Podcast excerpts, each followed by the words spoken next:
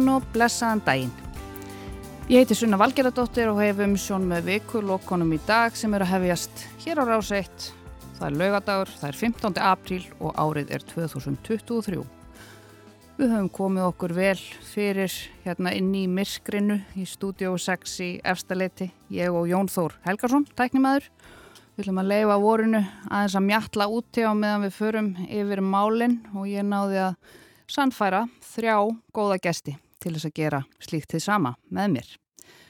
Gesti mínir í dag eru þau Halla Signi Kristjánsdóttir, hún er varaformaður Þingflokks framsóknarflokks og hún er líka fyrirrandi bondi og hún er fyrirrandi fjármálastjóri Bólungavíkur. Og svo er það Eithor Arnalds, hann er fyrirrandi otviti sjálfstæðismanna í borginni og Árborg og er í dag tónlistar og business maður. Og svo er það Þorbjörg Sigriður Gunnlaugsdóttir, hún er þingmaður viðreistnar og fyrirrandi saksóknari. Alls konar fyrirverandi. Alls konar fyrirverandi. Ég hef alltaf svolítið gaman að því að þylja upp uh, alla fyrirverandi. Mm. Kanski ágætt að taka það líka fram að Heiða Björg Hilmisdóttir, uh, formaður sambands Íslenskra Sveitafélag og borgarfulltrúi samfélkingarinnar, hún ætlaði að vera hérna á meðalvor en hún er rallaus og afbóðaði sig í morgun. En við ætlum nú bara að retta okkur án hennar, er það ekki? Var ég að fara með rétt mál þegar ég sagði að vorið væri að mjalla hérna út hjá með að við sitjum hérna inn í myrkrinu. Já, minn sínst það, það er bjart framöndan, það er allavega logn og... Jú, það vakti mig klokkan 7 í morgun, sko. Fuggla söngur. Alveg og bara sól og, og rekið inn í allt, all, öll golf og þetta er bara dásanlegt, sko. Já, það er einmitt það sem að ég fuss alltaf að sveia yfir, þá fer maður að sjá betur. Maður getur ekki slögt ljósinn. Ég sé á kertinu mínum að það er staðfest vor því hann er farin að fara út. Já. Já, er hann inni sko. bara... Já, ég menna hann er bara eins og við hinn, bara betra að vera í heim í sófónum þegar það er myrkur og kuldi. En hann er peppaður út í gardi núna, hann Símón minn. Ég skil. Ég mitt setti kertastekani í morgun inn í skáp. Sko, Já, ég gerði það, einmitt líka. Hætti maður að kveika kertum á kvöldi. Akkurát. Þetta var á fjöll í stæðin. Og skipta út öllasokkanum og svona. Nákvæmlega. En það var fleira í, það gerðist fleira í vikunni heldur en, heldur en vorið um, og við ætlum svona að reyna að stikla á stóru yfir það sem bara hæst eins og venja er um, það var hana lítil stopnun með stórt nafn sem komst aftur í, í Karsljósið innhemdu stopnun Sveitarfélaga. Uh, Riðan, hún heldur áfram að leika bændur og, og ekki síður dýrin þeirra, mjög grátt. Og fjárhagstaða ímissa sveitarfélaga er vægast sagt slæm, uh, misslæm þó. Og svo var það ákveðin ónemdur fótboltamæður sem er nú laus allra mála eftir langa laurugluransókn í Breitlandi um, og mér langar að hefja leika þar í Manchester. Gilvið Þór Sigursson uh, sem hefur enn ekki verið nafngreindur í breskum fjölmiðlum uh, Hann var handtekinn á heimili sínu í Manchester fyrir tæpum tveimur árum síðan og hann hefur verið í farbanni uh, síðan hann var handtekinn. Hann var grunaður um kynferðsbrot gegn barni eða ólögráða einstakling. Hann hefur ekki spilað fótbolta síðan hann var handtekinn. Hann fekk ekki áframhaldandi samning með liðinu sínu sem var Everton og hann hefur heldur ekki spilað með íslenska karlalandsliðinu í fótbolta hvar hann var mikill líkil maður. Hann er óumdeilt held ég, eitt besti fótbóltamæður sem við höfum átt og í gær þá bárast þær fregnir að eftir 20 mánuða rannsókn hefur lauruglæni mannsestir ákveðið að ákjæra hann ekki uh, og Gilvi er nú laus allra mála. Þorbjörg, eins og ég þuldi nú ekki upp alla þína fyrirrandi titla hérna í byrjun en, en þú hefur vasast í svona sakamálum mm -hmm. í gegnum tíðina áður en þú fórst á þing fyrir viðreist Já. og hefst nú lesturinn þú varst deildarstjóri, ofbeldisbrotadeildar, lauruglustjórans á höfuborgarsvæðinu, þú varst aðstóðar saksóknari, þú varst aðstóðamaður dómara, þú varst deildar, forseti, laga, deildar háskólans og bifröst og svo varstu síðast saksóknari hjá ríkisaksóknara. Þetta hljómar svolítið eins og ég totli hvergi starf. Eða þú sérst sko áttræð.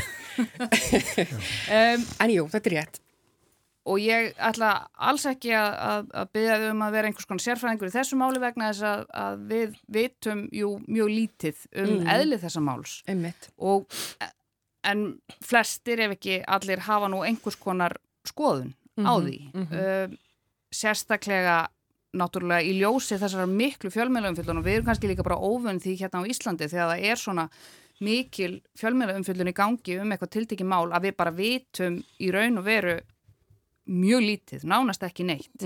Hvað það er í raun sem uh, Gilvi var grunaður um að hafa gert, hvers eðlis þessi meintu brot uh, voru og hann náttúrulega missir þarna samningin sinn við Everton uh, og hefur verið nánast í stofufangilsi í þessa 20 mánuði og nú er hann bara laus. Hvernig blasir þetta við þér? Er þetta, er þetta rosalega óvenjulegt eða finnst okkur þetta bara óvenjulegt vegna þess að þetta er svo uh, uh, áberandi? Mm.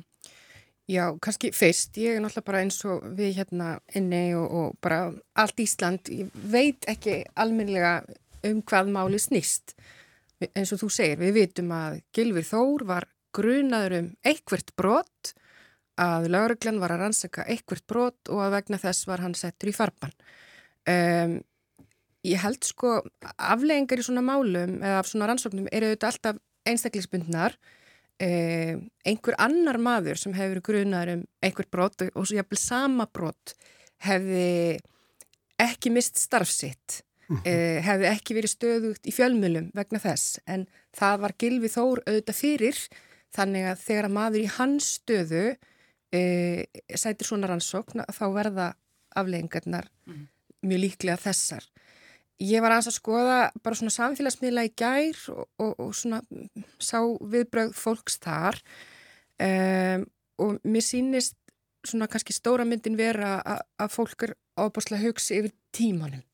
Tvö heil ár af lífi manns, eh, þar sem hann er bara í, í kyrstöðu eða pattstöðu vegna þessa eh, þetta mál er til rannsóknar. Eh, í íslensku samingi þá er þetta ekki langur tími, því miður. Þannig að það er kannski það, ef ég myndi segja það jákvæða sem geti komið út úr þessu máli hér á Íslandi væri að það hérna, erði til skilningur á því hvaða er ofbóslegt eh, fyrir sagbortning, eh, fyrir brotaþóla, eh, fyrir framgang mála að þau taki svona langan tíma.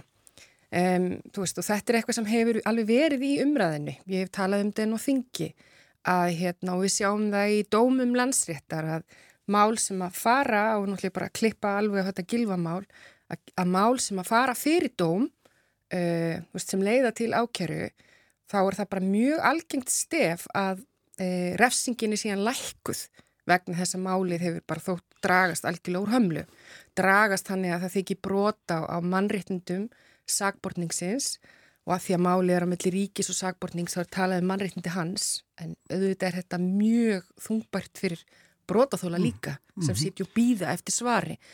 Þannig að ég held að kannski þessi saga geti orðið til þess að því að við höfum mjög reglulega séð þess að fréttir farban endur nýjað og svo aftur og það komi fréttir í februar og svo eiga það að koma í, ma í mæ og svo líður sumarið og allt þetta að fólk skilji að þetta er ekki gott en því miður getum við Íslandingar ekki sittið hér og sagt að hérna, þetta sé bagalegt að svona sé þetta í Breitlandi því þetta er sagan líka á Íslandi því miður. Ég held að þetta sjálfur rétt að, að þetta er vandamál hér líka og ekki bara í, í þessu málaflokki, heldur líka til dæmis í mörgum málum eftir bankarunnið að þá leið mjög langa tími þannig mm. til að menn fengur niðurstöðu í sína mál og voru þá grunaði mjög langa tíma og jafnvel síknaðir eða, eða ekki ákjærðir og, og hérna og þegar að, að hérna dómari síðan lækkar refsinguna vegna e, tíma sem leið mm -hmm.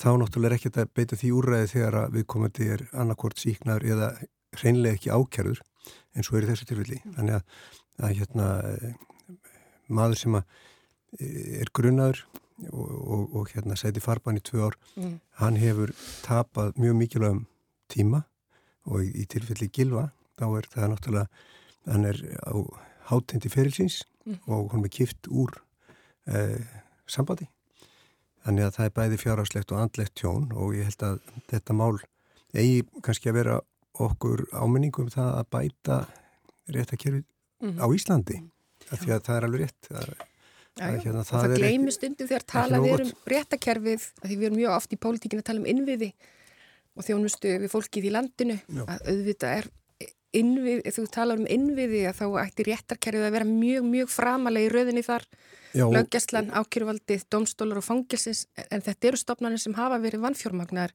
lengi. Já, það sem gerist þegar að málinn tefjast og eru óljós, ég tala ekki um þegar að almenningu veit ekki málavöxtu um aðurinn er þektur og máli tekur okkur ár, að þá er ennþá meiri hægt á því að, að domstólgötunar tækja völdin. Og hérna hveð upp sín dóm á Facebook. Já, sérstaklega í svona málum Já. að þá tekur domstólgötunar við og, og ég bara teku undir með Þorbjörgu, hún þekkir þessi mál mjög vel og hvernig þau eru bæði hérna sér á landi og þetta skiptir máli 20 mánuður er mjög langu tími sérstaklega fyrir mann sem er kipt út og það þarf ekki endilega að vera mjög þekktur maður eða eitthvað, við vitum það bara hér á landi þegar svona mál komu upp, það getur verið kennarar eða ykkur menn sem getur endilega hafa verið ábyrrandi í, í þjófélaginu en, en þetta tekur langa tíma þetta tekur gríðarlega á bæði brota þóla og hérna þá sem eru ákjærðir Og, en maður vona bara að þessi 20 mánuðir hafa verið unni þannig að, að mm. rétta niðurstans í fengin en maður þekki það ekki samt. Kanski tvent sem er langar aðeins að, að koma inn á varðandi þetta mál. Uh, sko, lögreglan náttúrulega hlýtur að gera sig grein fyrir því að þessi maður er ekki bara hver sem er. Mm -hmm. uh, nánast heimsþektur íþróttamæður. Þannig að sko ég er bara velta fyrir mér hvernig, nú er ég ekki að byggja þig Þorbjörgum að setja þig inn í hausin og lauruglunni í mannsistir en, en sko ætli, ætli ef við bara tökum þetta og færum þetta hingað til Íslands uh, er sko er lögð einhvers konar sérstök áhersla á rannsóknina, er vandað sig meira, er passað sig meira til að, mis, að lögreglan mistýji sig ekki vegna þess að málið er svo áberandi í, í fjölmjölum mm -hmm. vegna, vegna þess hver þetta er sem er til rannsóknar. Það áður ekki vera. Nei. Það áður bara vera þannig að það skipti engu máli mm. hver það er sem er, er kærður mm -hmm. eða er til rannsóknar eh, hver, og hver er brotaþóli. Um, síðan getur auðvitað ekkit uh, alveg útilokað bara svona mannlegar breytur að fólkið sem er með málti rannsóknar verði stressaðara eða en strangtiltekið á þetta ekki að hafa áhrif. Farban er eitthvað sem er notað allavega á Íslandi, ég veit ekki hvernig það er í, í Breitlandi uh, aðalega í þeim tilvikum þar sem um er að ræða útlendinga sem þykja ekki hafa þannig sterk tengslið Ísland eða þeir séu líklir til að fara úr, vilja fara úr landi. Íslendingar sem að hér búa og e, e, eiga sitt bakland og sínar hérna, fjárháslegu hagsmunni og Íslandi sæta yfirleitt ekki farbanni. Um, þannig að ég, ég getu þetta ekki svarað þessu en, en það á ekki vera þannig. Kom það þér á óvart að þessari rannsókn skildi ljúka svona? að það er ekki gefin út ákjara? Ég meina, ég veit ekki um hvað máli snerist. Nei. Um, en síst, þannig að ég, ég get ekki sagt að það hafi komið óvart eða hvort að hinn, ég veit mm -hmm. ekkert um þetta mál uh, og bara aftur, ég bara vona að þetta verði til þess að uh, að í sakamálum og ekki síst í þessum brotaflokkin, í öðrum líka eins og eithor nefnir, að þá verði þetta til þess að fólk átti sig á því Uh, og ég held að við erum ekki að vera feimin við það að tala um það að þetta sé þungbært fyrir fólk sem að sætir rannsókn. Mm -hmm. uh, það er bara staðrænt mm -hmm. uh, og, og, og það eru bara margar mannreitnda reglur sem að þarna gilda. Ég myndi samt alltaf líka vilja halda því til haga mjög rækilega að veist, í kynferðsbrótamálunum almennt að þá, þá er þetta sannarlega ekki minna þungbært fyrir brótaþólan eða mannskuna sem leggur fram brótið. Að taka þetta stóra, stóra skref og ég er aftur, ég er ekki að tala um þetta mál, það er bara almennt, eh, kona eða, eða jafnvel barn sem að kona kæri eitthvað brót, mm. einhverja hérna, já, ég vil ekki nefna neynda um í þessu samingi, að setja í það. Þannig að hérna Mér finnst bara, ég veit ekki það, mér finnst mjög erfitt að tala um eitthvað sem ég ekki veit hvað það er, en ég er bara að tala um þetta mjög almennt. Auðvitað, og svo kannski einhver leggur fram uh, kæru vegna kynferðarsbrot, síðan líða 20 mánuður mm. og mm. viðkomandi brotaþóli mm. segir sem svo að þetta sé réttmætt uh, réttmætt kæra Mm. uh, og svo endar það vegna skorts og sönnunagögnum ekki ákæru vegna þess að til þess að, að ákæra þurfa jú að liggja fyrir haldbæra sannanir. Mhm. Já. Það er auðvitað bara síðasta mælistikka saksóknarans, allavega á Íslandi. Ég veit ekki alveg hvernig samspilum millir lauruglu og ákjörvalsir í Englandi eða Breitlandi en þá, þá, þá átt að fá til þín full mótað mál, full rannsaka mál og þú ert bara að lesa þetta, eða ekki bara, þú ert að lesa málið bara með þeim glerugum en uh, hvort að þessum þrösk, hvor megin þröskuldsins málið er Að það sé líklegt til sakfellingar. eða ekki. dóm, Já, já. já. Já. En hvernig, sko, svo náttúrulega eins og þeir eru öll búin að nefna samfélagsmiðla og maður er búin að sjá mikið uh, þar og hefur fólk sína skoðanir þar.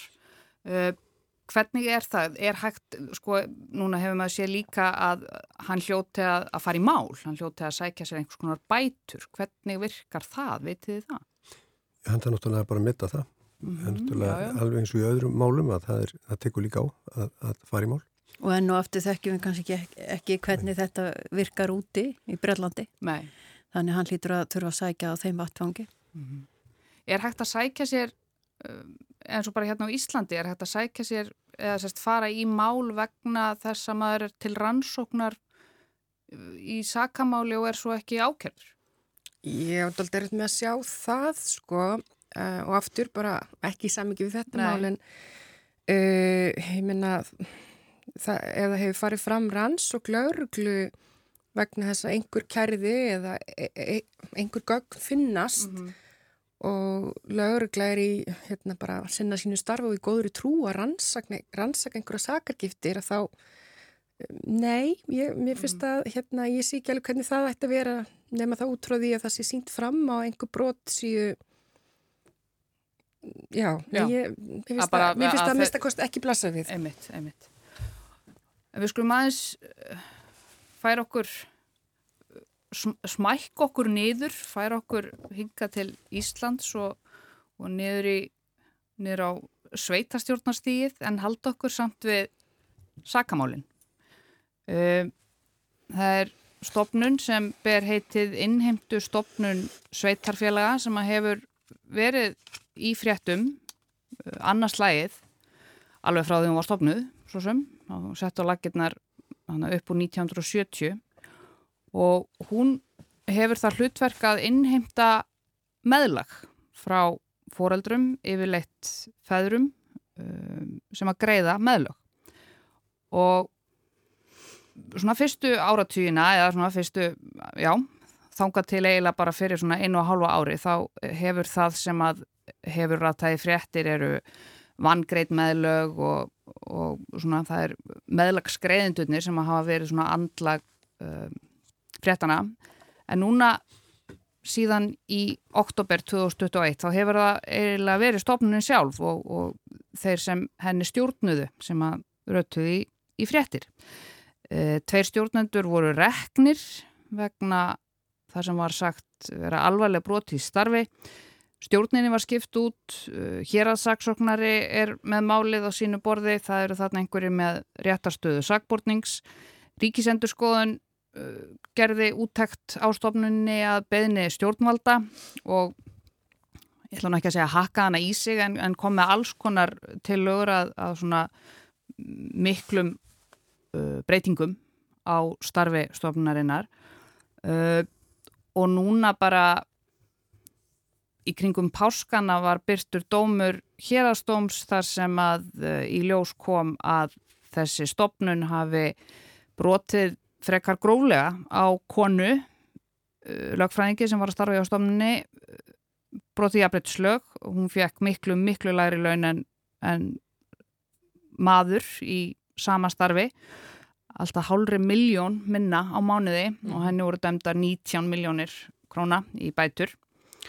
Uh, já, hún var að vinna þarna í, í 40 mánuði og fekk um hálfri miljón lægri laun en Karl Kins kollegi hennar.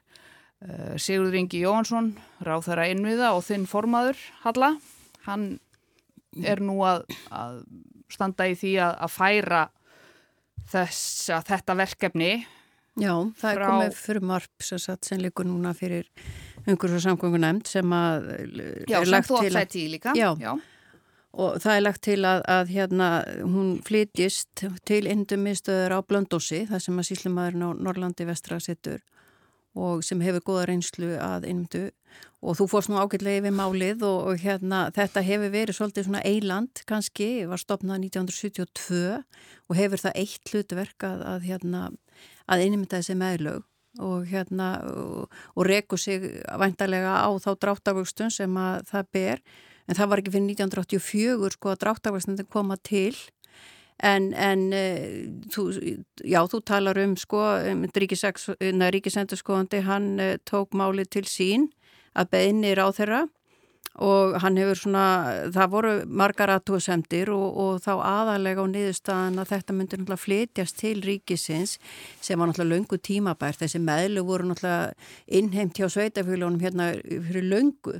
Síðan flýst þetta yfir til ríkisins en ennþá er þessi stopnun sem er með þetta með, með þessa stöðu sko sem er náttúrulega svolítið sérstakt og það hefur enginn einhvern veginn tekið á því en uh, sko ríkisendurskóðandi hann talaði um að umgjörstar sem henni hafi verið ábúta vant og, og hvað var þar eftirlit, það hefur enginn eftirlit hefur, og þess vegna hefur þetta kannski orðið til og stjórnunhættir verulega sérstakir Já. og ég held reyndar að þetta er náttúrulega inn í hérna hjá hér að saksóknara og, og tekur svolítið tíma eins og eða bent af áðan að sérstaklega efnagasbróta mál þau taka langan tíma og vonandi fenn nú að sjá fyrir endan á því en, en það er kannski eitthvað fleira í þessum potti eldur en að komið í ljós en í En ég vona bara að þetta er allavega komið í þín þann farveg og ef að frumarpin er að ganga fram eins og það er lagt fram að þá verður þessi breyting núna 1. janúar 2024 og þá flista til, eh, til Blöndós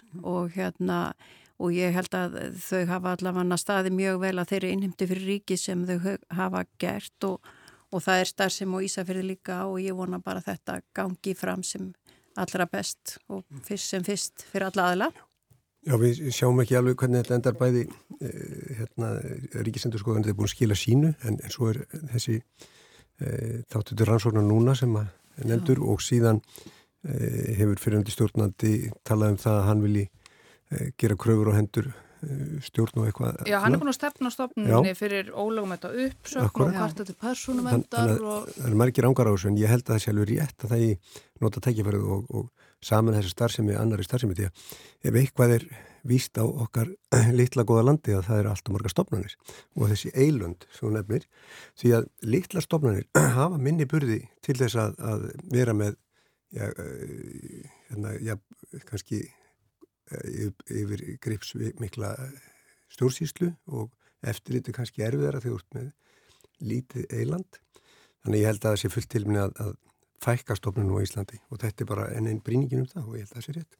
En þetta er náttúrulega líka eins og þú nefnir uh, og kemur fram í skýslu ríkisendurskóðanda að uh, sérst, 80% af rekstrið þessar stofnunar uh, var fengin frá, af dráttarvöxtum mm -hmm. og, og fjárnámskjöldum þeirra sem ná ekki að greiða meðlag á réttum tíma. Mm -hmm. Ef þú greiðir ekki meðlagi þá koma dráttarvextir og stopnunin rekur sig á því sem er kannski svo litið furðulegur kvati. Ofbosla skrítin kvati. Er það ekki? Jú, uh, og minna, auðvitað á svona stopnun finnst mér ef hún er, uh, hún á bara að vera á fjárlögum.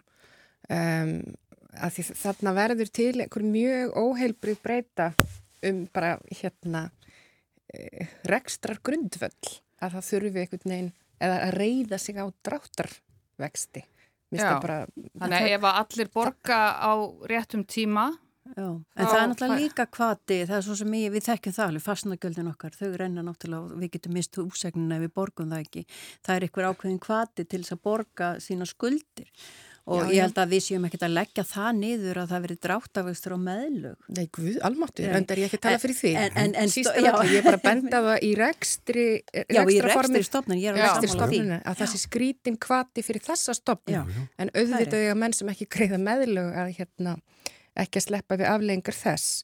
En ég er líka á því að, að hérna, ég hlusta nú ágittan þátt hjá þér svona þetta helst það sem farið yfir tímalínu og söguna þá er alltaf bara svo margt þarna sem er brógað ofbúslega stert tungutak hjá ríkisendurskóðanda í, í þessari úttækt. Uh, Pólitíst er mjög furðulegt að þessi stopnun með svona eitt ofbúslega afmarkað verkefni. Uh, heldur betur tækifæri hér fyrir, uh, um því að segja, fjármálar á þeirra sem mikið hefur talað um tækifæri í hagræðingu og svona bara einfallega að kipa þessu inn eitthvert annað. Og Já. svo bara get ég ekki slefti að nefna þennan dóm uh, um, um launakjörin þarna inni. Að því þegar maður skoðar það uh, að það muni halvri miljón á milli tvekja á mánuði. Á mánuði á milli tvekja lögfrænga með minnir mm -hmm. um og, og af, það er líka óðbáslega afdráttalust orðalag um sko ásetning. Og þetta hafi verið látið viðgangast og þetta er bara þannig munur að, að það bara eiginlega útilokkað að menn hafi ekki átt að segja því að því að aftur þessi stopnin er eh, ekki stór. Eh, þannig að hérna Það er mikill stjórnuna vandið þarna greinilega og þetta hefur orðað eitthvað regaldi sem hefur reynilega mist sjónar af. Mm og förðulegt að þetta skul ekki hafa verið einhvern veginn tekið upp fyrir en, en, mm -hmm. en það er verið að því núna og, og ég vona bara að, að það gangi eftir. Og, og ég held að svona fletta sem hægt verið að koma upp að þetta ági geta gerst innan ríkistofnarnar sko, Ef, ef, ef stofnarnir eru samanæðar þá styrkjast þær aðalli öfnu það bæði verið að hægra eitthvað líka ertu þá að styrkja þær vegna þess að lítilstofnun hefur bara miklu minni burði til þess að, mm -hmm. að hérna, sinna sínu starfi. Mm -hmm og hérna þannig ég held að Algjörlega. þetta er bara áminningu um það að við þurfum að gera betur í Já, já, en hún á samt ekki að þurfa að lenda í þessu Nei, Nei ef eftirlitið er, er skýrt. En, en eins og þú sagði réttir áðan, þetta er eiland og, mm. og það er hægtara fyrir lítil eilund í, í stopnarnarekstri. Já, já, það skýrir sumt af þessu. Það skýrir sumt af þessu. Það skýrir sumt af þessu. Já, eins og þegar maður horfir yfir svið. En sannlega til dæmis ekki þennan ánga sem var þar bara mjög skýrbrota á jafnbrettislögum og að fólk njóti ekki verið þessi í, í launakjörum. En það er meiri hægt á því að það komist ekki upp að það sé eitthvað að þegar að stofnun er lítil.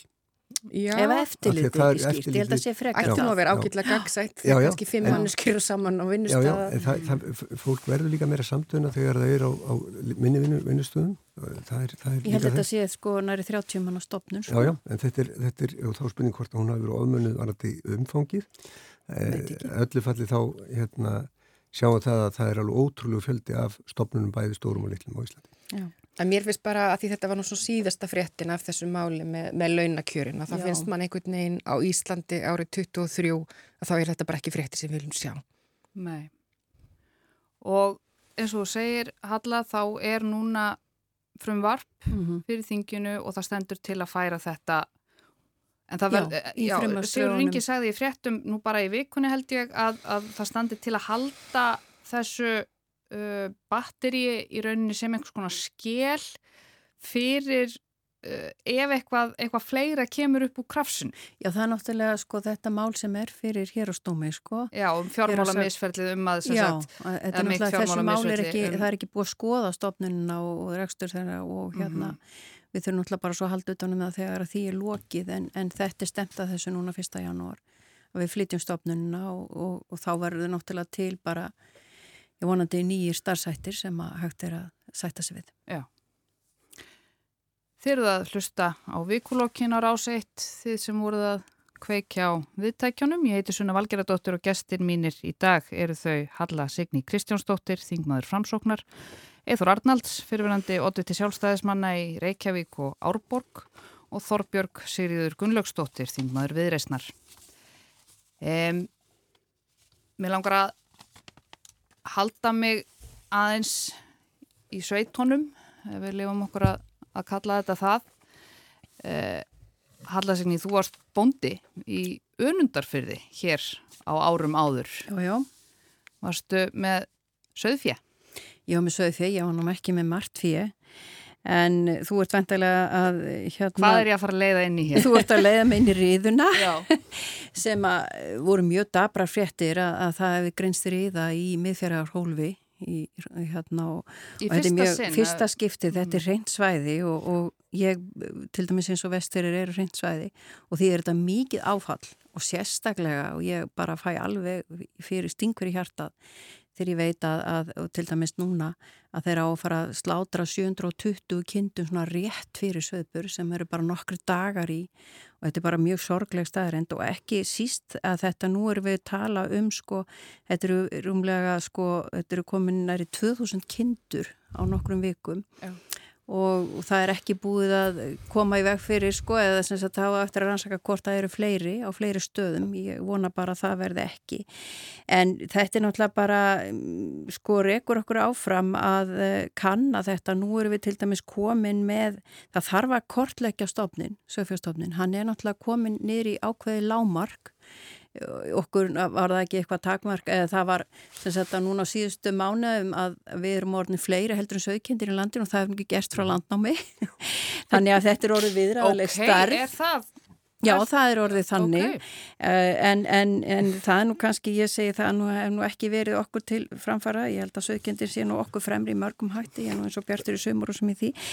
En, en við erum sagt, það hefur komið upp arfgreining sem að er hafa fundið arfgreininga gen hér í sögkindum sem að, er, sem að þóli riðu Þetta hefur verið fundið bæði í Nóri og Breitlandi og við þurfum að ebla þessa rannsóknir og nú, núna síðast vorum að fá sko að, að hérna við erum komin búin að fá viðkenningu sem hérna með íslenska lambakjötið sem mm -hmm. að mhm. skipti miklu máli Já, það er orðið svona eins og parmesan og fettástur Já, og þetta er orðið bara já, við getum konjak. skálað þessu bara framann í heiminn mm -hmm. og, mhm. og þess vegna þurfum við að, að taka saman höndum og, og hérna og bara tryggja þetta, við getum fundið þetta gen En við erum við ekki erum, búin að finna það ymmit? Við erum búin að finna, en við þurfum að gera það, sko við þurfum að náttúrulega sérstökur stopnari því á hverjum bæ Þannig það þarf að finna sko hverja sögkinn fyrir sig og, og þetta tekur náttúrulega mikinn tíma.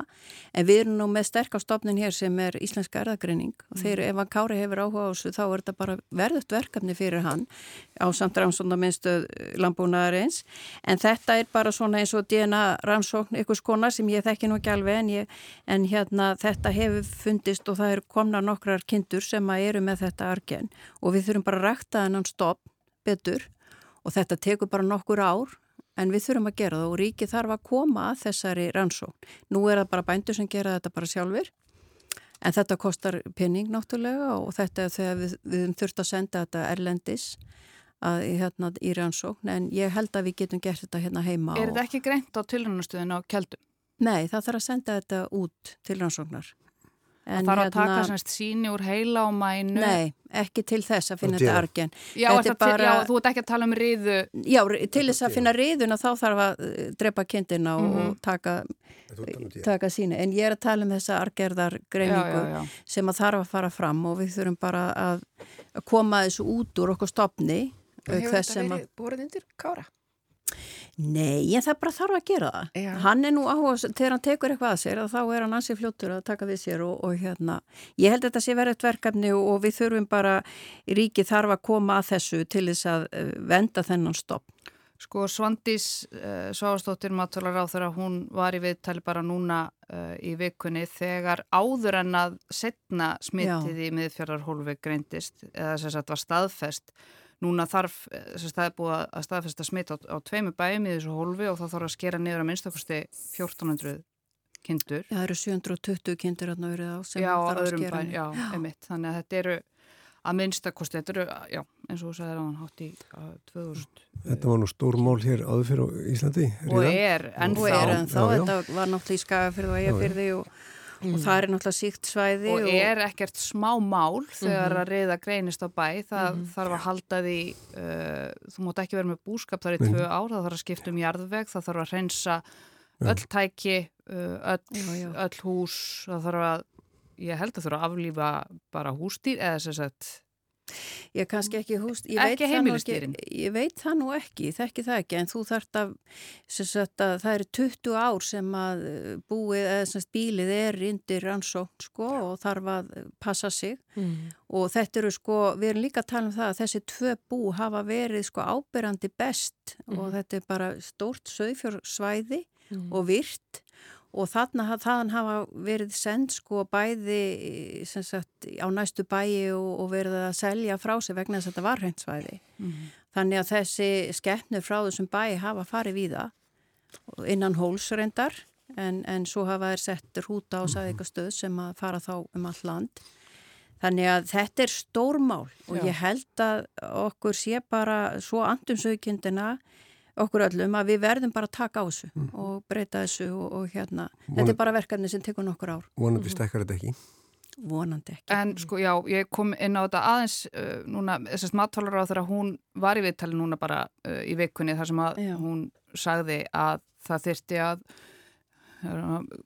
pólitístungu taka að skoða þann kostnað sem fælst í því að auka útbreyðslu fjár sem er ónemt fyrir riðuveiki sem er bara orðrétt þar sem að þú varst, eða ekki orðrétt en sem er í grunninn þar sem að þú varst að segja Já. að það þarf að, að uh, í rauninni borga ríki þarf að koma að þessu á einhvern, einhvern hátt Já. ef að við viljum hafa hérna riðu frían uh, sem við verðum og, við, við, verðum, og það er líka hér sko, búin við það að, að næri 100% fjár er í skýslu og, og gagnagrunnur er mjög góður og þetta ætti ekki að vera mjög flókið. Mm -hmm. og ég veit að hérna, þetta hefur farið fram og það hefur verið svona, það eru allavega öflugur einstaklingar hér á landi sem hafa unnið við þetta og ég mhm. held að við getum bara haldið áfram að klára þetta sko Er þetta svona eitt stærsti óttin sem að, eh, þú veist, er þetta svona dýfsti, er þetta að versta sem getur komið fyrir söðfjörbúnda að riða greinist á bæ? Ég held það bæ, og þurfa að fara og jafnvel núna sko að því að núna hefur verið komið bílun hann í brennsluofninum mm -hmm.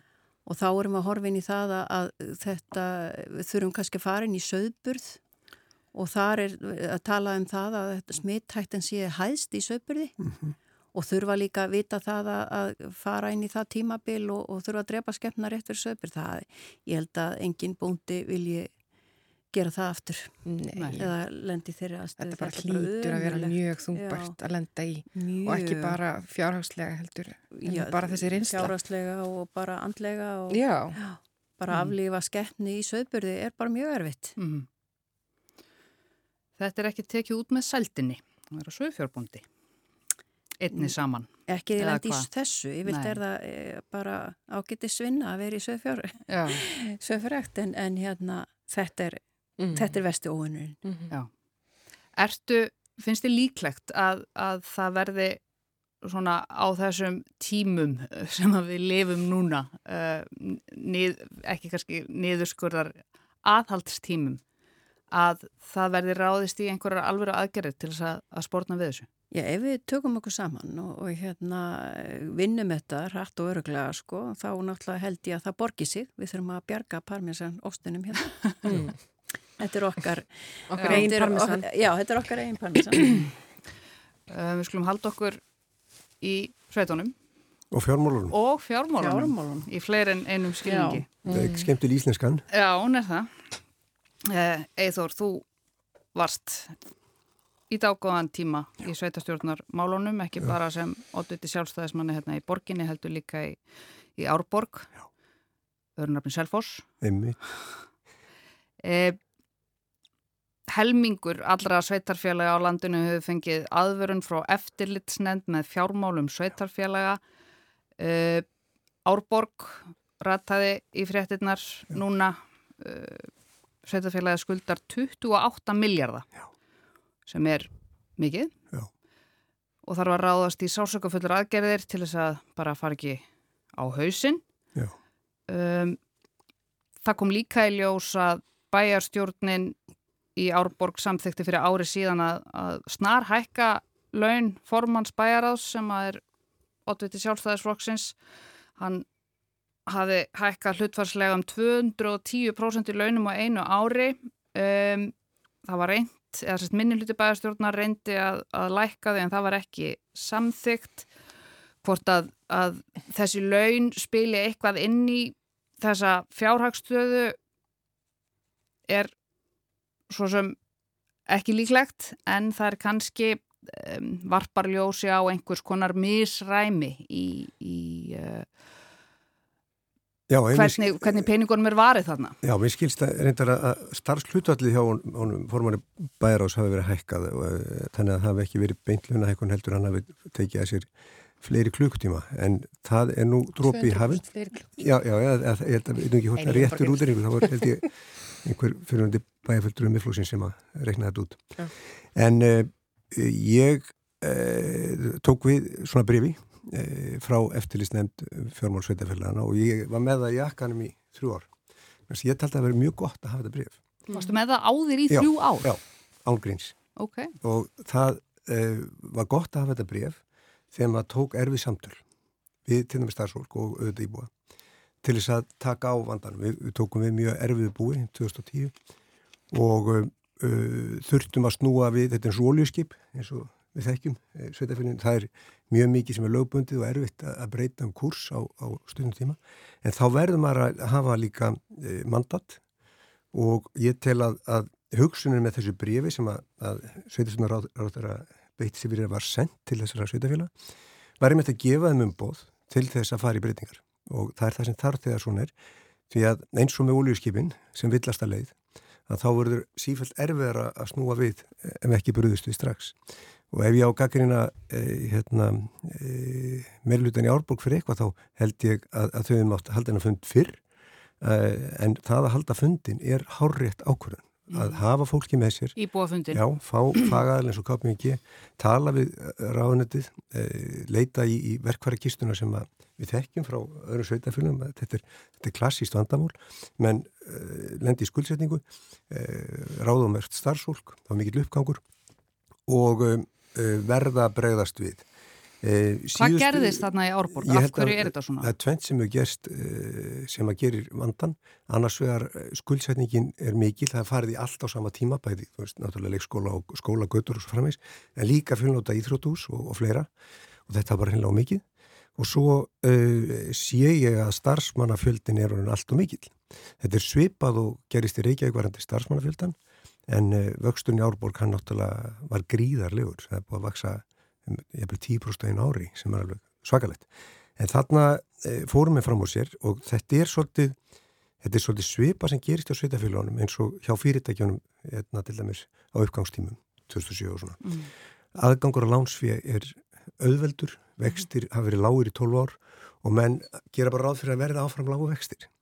En uh, vextir hækka mm. alltaf einhver tíman e, því að vöxtum var haldið niðri út af bankarönnu fyrst og svo út af eurukreppinu og svo út af koronavírusnum og svo út af úkarænustyrinu kannski í tímaböndi þannig að e, þetta er ástand sem myndast þegar að menn e, svona kannski eins og kýrlan sem komast í saltið sem ekki nú tali gott að, að hérna kunna sér ekki hóf mm. Já, þetta er nú líka, sko, þetta er náttúrulega, ef Eithor hefur borið e, þetta bref í með þrjú ár, Já. þegar ég var fjárnarstjóri í Bólgakvösta, þá lendum við undir, eða lendum við, við fengum eftirlistnefnd sveitafélaga til þess að aðstofa okkur 2009, við vorum komin á þann stað og vorum eitt sveitafélag og þetta var skellur en var til þess að það var tekið allt í gegn og, og núna er Bólgak á allt öðrum stað heldur en það var 2009 Já og, við, og þeir voru einmitt að fagna þúsundasta íbúanum. Það hefur nú ekki verið eins fjölgun eins og hefur verið á öðrum, öðrum landsvæðum mm. en bólungæk er að vaksa og, og miklu vakstaða möguleikar þar sem að þar til þess að, að búa sig undir hérna, fjölgun íbúa. En það er náttúrulega svolítið sérstætt það sem við höfum hérna, staðrindinu svo að Ís, á Íslandi hefur okkur fjölgað um 40% frá aldamótum. Mm -hmm. 40%. Það er ekkert annað land í Evrópu sem hefur fjölgað eins. Mm -hmm. Og, og ef við tölum með sveitafjölun, það hefur 40% verið fjölgun í Reykjavík, mm -hmm. það hefur verið 100% fjölgun í Árbæ. Mm -hmm. Árborg, segja ég, Árborg. Segjum bara Selfors. Selfors, já, ó, já, já, við skulum ekki gera minna úr hinnustofunum. Og, og, hérna, og þetta kallar á gríðalega fjárfestingu, mm. innviðu uppbyggingu já. Já. og tekjumöguleika sveitafélagana eru nú ekki kannski mjög flóki. Við getum ekki allt í hennu farið að, sveitafélag getur ekki allt í hennu stokki til og farið að, að vera með eitthvað aðra starfsemi heldur en lögbundið er. Og í annar stuðin ríkið. Já, og annarstum, já, og þannig að, að þetta er bara, þetta, ég, þegar alla mína samúð og, og uppbygging innveða eins og bara til dæmis eh, leikskóla, grunnskóla eh, og íbúa, svo hefur líka íbúasamsetningin brist hér á landi, mm -hmm. þannig að þjónustan til mjög grunnskólum eins og grunnskólum Reykjavíkuborgar, mm -hmm. að þetta er, og, og sko, þetta er alveg svakalegu pakki, mm við skulum ekki gleyma því, þannig að við skulum ekki segja það að sveitafélagenda hafi ekki endilega staðið sig illa en þetta er bara fjölbreytt verkefni og mhm. mjög stort og þess vegna þurfum við að, að kannski aðeins að, að hérna, til og með að við þurfum að dreifa þessu álægi, við þurfum Já. að koma fólki flikar vestur og austur og, og styrkja sveitafjölinn til, til dæmis eins og við höfum gert síðustu fimm ár við höfum verið að koma með húsnæðistöðning og það hefur verið uppbygging um all land sem að -hmm. þarf að gera til að taka mót þessari fjölkun sem við fögnum svo innilega Ef ég mætti aðeins sko, því ég held að við hefum getað settið hérna og talað um fjármál og, og hagsmunni sveitafélagina eh, bara heilan þátt eh, þá finnst mér svo eh, aldrei gleymast í umræðinu hvað þetta eru svo mörg sveitafélag sem fá þetta bref, brefið sem Eithor gekk með ásir í þrjú ár um, og það auðvitað speklar einhvern, einhvern, einhvern innbyggjan vanda held ég. Mér fyrir stundum þegar maður horfir svona á því ég sitt í fjárlega nefnd, sko fjármál hins ofinbera, ríkið og sveitafélagi, mm. þá sé ekki alveg ná mikið gagsegi í því að því það hefur auðvitað verið mjög mikið trend af hálfu ríkisins að færa þeim alls konar verkefni mm. en ekki tekistofnuna á móti. Já, stundum á svitafélagin farið í einhver verkefni. Svo, já, já, en ég er að tala um þessa stóru pósta sem býta, en já, svo hérna blessunarlega og við heldum við sem stolt af því hvað við erum að, að bæta í, eftir, sko. bæta í varðandi hérna, stuðning við, við fallað fólk mm -hmm. sem er mjög kostnæðið sami póstur. Síðan er hitt að, að brefi sé að berast núna held ég sé líka aflegginga því þegar við sjáum hvað sveitarfélagunum mörg sem fáta bref að skilaboð ríkisins til sveitarfélagana allra í COVID voru haldið þið ykkar fjárfestingum áfram. Eh, að það er ekki allt kælt Sveit, eh, rík, ríkistjórnir á Norðurlöndunum til dæmis bökkuðu sveitarstjórninu upp með fjárháslegum stuðningi í COVID. Hér var bara farið í að segja því megið hérna hækka ykkar skuldarhlutull haldið áfram, business as usual og gerir þetta. Síðan held ég líka sko, þetta sem að Hallasigni nefnir með hennan fjölda að við erum að, hvað okkur er að fjölga sem er innflytt mm. vinnuafl. Þetta er innflytt vinnuafl eh, vegna ferðarþjónustu, byggingagreinum og svo framvegs þannig að hérna þá þarf við þetta að, vaksa í samræmi við það mm -hmm. e, þannig að það er áskorun stór áskorun fyrir Reykjavík til dæmis bara hvað er að gerast með ferðarþjónustunum ég held að ungt fólk finni fyrir því hvernig leikumarkaðurinn lítur út af því það er svo mikið af eignum sem er í Airbnb og, veist, og allt mhm. þetta mm. og svo þessi staða því við erum alltaf að tala um einhverja sveplur það var svona og vextir voru lágir og nú er það hágir og það er auðvitað líka mm -hmm. þessi íslenski verilegi þess að hérna, auðvitað eru sveplur allstaðar en í krónunni þá eru sveplunar mjög miklar og meiri en þýrt að vera og það þarf að skipleggja sig í, í samræmi við það. Og það, það er erfitt fyrir sveitafélagin alveg eins og það er erfitt fyrir heimilin að vera einhvern veginn alltaf að skipleggja sig út frá einhverjum veruleika sem sem bara mm. breytist fyrir þau fljótt.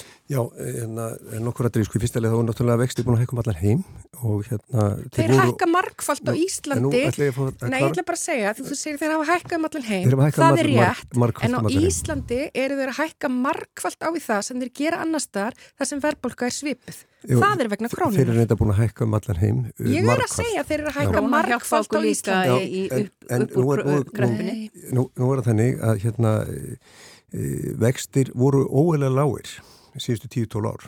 Eh, og eh, venjulega eru vextir herri heldur en á þessu síðast tímafili það er ekki eðlert að sé neikvæðir vextir eins og sveitafélagin voru að upplifa á tímafili og fyrirtekin og núna eru þeir orðnir bara herri og það er bara raunverulegin og þeir sem skulduðu fyrir nokkrum árum, þeir þurfti ekki að mikla rákjör á þessu að því vexti voru mjög lágir. En nú er bara komið að því að skuldin að byrja meiri vexti og þá mhm. fjármastu kostnar mjög meiri mm -hmm. og það sem að Reykjavíkuborg klikkað á var að borga ekki niður skuldir þegar að, að góðir var mm -hmm. Rétt eins og ríkið Nú er ég með orðið mm. og uh, Reykjavíkuborg uh, var ekki bara glíma við hérna lögbundin hlutverk Reykjavíkuborg er til dæmis í fjarskiptaþjónustu þar sem að eru 2 miljardar bundnir og maður spyr sér er það eðlegt að Reykjavíkuborg sé í fjarskipta þjónustu með 20 miljardar Sko. Nefnir ég nefnir stæmi að þeir var þannig lögbundin hlutverk Mm -hmm. og uh, er með síðan lánalínuð yfirdrátt í tömmu bankum á sama tíma og ég segi nei, það er ekki eðlilegt. Við erum að fókusera á leikskóluna, Mhm. grunntónustuna, ekki á fjarskiptaðunustu. Ég er alveg saman á því, það með ég hagræða hjá Reykjavík, Já. sannarlega, Ég held mér að er tala sko- fyrir því innan meiri hlutan, Já. það er Það ekkert hefur verið- laungamál já. að við hefum viljað ganga lengra í þeim efnum, Já, en ég held að breyti ekki stóru myndinni að það er ekki Reykjavík eitt sem að fekk þetta nei, bref. alls ekki, en ég ætla að segja sko, margir mjög brefið, það stóð ekki að sama í þeim öllum. En sko, hvernig er einhvern veginn, sko, er ekki bara of mörg sveitarfélög í landinu? Jú. Það er ómörg sveitahillög, ómargi fjármálastjórar, ómargi bæjastjórar, ómargi skipilastjórar. Við erum með eh, hérna, eh, miklu fleiri sveitafélög heldur en við þyrstum að hafa. Við ættum að hagraða og ég held að við hljóttum að vera öll Og hagraða í rekstrinum, þannig að sé hægt að hérna, byggja upp í þjónustunni og Já. fjárfestingum, Akkurat. ekki vera meira samt fækkan Hvað 140 bólvíkingurinn við þessu? Eru. Já. Eh, sko, okkur hefur, sveitafjölu hafi fækkað sko frá 1991 að því við ætlum að tala um jöfnunarsjóðin sko, þá var hann settur sko, síðustu lög voru sett 91 og, og frá því hefur fækkað sko úr 100 og, ja, um 140 sveitafjölu nýri í 64. Eh, sannlega er, er, er hérna, sko við þurfum að kannski að fækka fleiri sveitafjölu en, en, en samsetning sveitafjölugana verður svo sem alltaf kílómetinu verða jata jafn mörg margir og, og verkefnin eru þau sömu en samlegar áhrif eru svo sannlega fyrir hendi. Og það er misjátt kannski eftir hvar sveitafélag eru stödd hvernig samlegar áhrifin verða. En við höfum náttúrulega líka verið að samin og eins og Árborga er samsett sveitafélag Jú, jú. með fjölkjarnasveitafélag og við þurfum kannski, og hér er verið að leiðrætta eins og í breytingar á jöfnunarsjónum ef við komum kannski inn á það sem er náttúrulega bara er, er mikilvæg fyrir tekjastofna sveitafélaga, að þá erum við að leiðrætta með þessum breytingum sem er svo sem ekki komið fram en það komið bara drögun í samráðskátt og hefur verið unni í því nokkur ár sko að þá er verið að leiðrætta hérna og einfalda kerfið og koma einmitt á móts við svona breytt samfélag sem hefur orðið síðan 1991, við svo sannlega sagt það. En á síðustu fimm árum, þegar það var góðari og lágvextir, þá, þá fjölgaði starfsmunni líka umfram uh, fjölgun íbúa. Og, og það er ekki sjálfbært. Og við þurfum bara að nota teknina betur, uh, hagraða, uh, bjóða út, ná hagstæðri tilbúðum í reksturinn og ná jafnbæði þannig. Sko. Ég held að lausnin sé ekki að við förum öll hérna undir eh, hérna, eftirlýsnefndina og, og hækkum gjöldin. Ég held að lausnin hljóta vera að fara betur með fjö Mhm. að því við erum að tala um fjármál. auðvitað er það alltaf kvatin og það er ágætt eins og Eithor segir að bera kannski brefið í þrjú ár í, í brjóstasónum og, og þá fara vel yfir og, og hérna og vita hvað er okkur fyrir best og hugsa kannski aðeins lengar fyrir heldur til næstu kostninga og hérna og þá þýðir það að við þurfum svo oft, ofta að fara í sársökafullar aðgerðu og það held ég að við þurfum að passa okkur hvar við erum að skera niður. Hvaða, hvaða, já, hvaða þjónust að þólir það? Ég bara nefni til með stæmið þegar við vorum í, í bólungaðik að skera niður og þá kannski eh, sko vest kom kannski leikskólum út. Við, fór kannski, við minguðum tíman fækkuðum starfsfólki. Þegar upp að staðið var það bara ekki nógu gott vegna þess að starfsfólkið þá bara núta og, miklu álægi það var lagt til að við myndum loka sundleginni það er ekki rétt ástofan við stígum niður og sögum bara nei vegna þess að velliðan vegna þess að þetta var félagsmiðstu bæjarins. Við þurfum líka að Ég held byggja að bara undir. gildi sömu lögumál hér og hjá ríkinu sjálfu að, að byrja að skoða reksturinn að ríki geti farið í það að fækka ráðunitum, samina stopnarnir og svona. Það er kannski hægt að gefa innheimtu stofnun sveitarfélaga nýtt hlutverk að sko, skoða Já, skoða. rekstur sveitarfélaga. Já. Já, ég, ég gæti trú að einhver aðri væri betri til Mér að fannst falla. alltaf þegar ég var að reka sveitafélag, ég var að reka bara, sko ég er með stórt heimili sjálf en mér fannst ég bara að vera með starra heimili í höndunum og þetta er bara sama þegar maður kemur nú þing, þetta er bara stórt heimili og hva, hvernig gerir maður þegar að hérna, maður sem sagt, maður neyta sér um ímislegt Já. og, og, og reynir að taka vegna þess að þegar þú rekur sveitafélag að þá er þetta bara eins og heimili, ef þú rekur einn einstakling út, þá kemur hann bara baktir að megin inn. Ég, ég er Þú á- þarft á- að hugsa um, á- þetta Ég er held ekki eins og að þetta sé alveg rétt vegna þess að þetta er eins og heimilisrekstur, Mhm. mm. þetta er svolítið eins og húsfélag, við erum að sinna viðhaldi og ekki fara í eitthvað annað heldur en við eigum að vera í. Eh, sem er- mér finnst til þess tímaskekkja að Reykjavíkuborg sé reyka malbyggunastöð og ég nefndi fjersketarekstur og, og fleira. Mhm. Við höfum að sinna leikskólunum, skólunum, betur, við að geta náð meira ánægri verið að setja okkur mælanlega markmið, mm. það vantar svo leiðis. Og leifa skólanum að starfa alltaf sjálfstæð. Já, sjálfstæði skóla og hafa fjölbreytni í skólastarfi, mm. en að, nefndu geti fundið sér ekki bara námið heldur skólavæhæfi, það er bara að hafa val eins og í Hollandi og setja okkur mælanlega markmið og leifa síðan stjórnundum að finna leiðina því. Já, segðu þetta við fjármálaráðurinn þinn. Já, ég segi þetta valla. Já, ég, nú eru þau hérna í Reykjavík, ég er bara út á landi það sem er eitt sveitafélag og eitt skóli, sko. Já, en já. þetta er bara, þetta er stórt vandamál. Þú var verðandi borgastjóra. Já, ég var verðandi borgastjóra og ég treystu honum til þess að taka á þessu og hann hefur talað þannig að, mm. að við erum að horfa fram á bjartari tíma, en þetta er náttúrulega alltaf sásökafullar aðgerir. Mér langar að enda þennan þátt ekki á, á þessum nótum. Mér langar að spyrja ykkur hvað þið ætlaði að gera um helgina. Eithor, hvað ætlað þú að gera? Ég ætla að fara á fjall á eftir með dóttu minni. Hvaða fjall? Esju. Esjuna? Ætlaðu að bá topp? Já, bara bá steini. Upp á steini. Já, já, þetta er alveg stórkosleg reyfing. Þetta er erfitt, sko. Já, en þetta er, þetta er falli leið, eh, það er komið gott skjól og bara að hafa fjalli hérna innan borgarna er mm -hmm. dásanlegt. Já, heyrðu, ég er búin að hafa það mark með síðan 2017 sett að þinga að fara á esjuna, ná, mér upp, fara upp á steini. Eh, ég kannst ekki vestur að því að nú er ég kom hérna í vikulógin til. Kannski maður bara, já, kannski ég fari bara upp á steini. Já, sko. Það viðra vel. Ég er að fara strax eh, eftir þátt með, í sund með dóttur minni en síðan er ég kvöld að fara að drekka kvít mín með vinkonum mínum. Og ég er alveg ískrandi spennt ég hugsa ekki sætirni hefur morgun og þá væri ég með, með betri rött góða út Þú færð þá bara upp á steini í fyrramóli Já, eða eitthvað. En það er komið að leiða lokum í viku lokunum í dag. Ég heiti Sunna Valgeradóttir og styrði þættinum ásamt Jóni Þór Helgarsinni, takk nýmanni Gestir mínir í dag voru þau Halla Signi Kristjánsdóttir, þingmaður framsóknar, Eithor Arnalds, tónlistar og businessmaður og Þorbjörg Sigriður Gunnlaugsdóttir, þingmaður viðreysnar. Eftir hátdegisfrettir þá förum við út í heim með heimskviðum og vikulókin verða svo hér á sínum stað næsta laugardag og það verður hann hörskuldur Kári Skram sem heldur þá um taumana. Takk fyrir að leggja við hlustir í dag og vonandi egiði öll góða helgi í vorinu.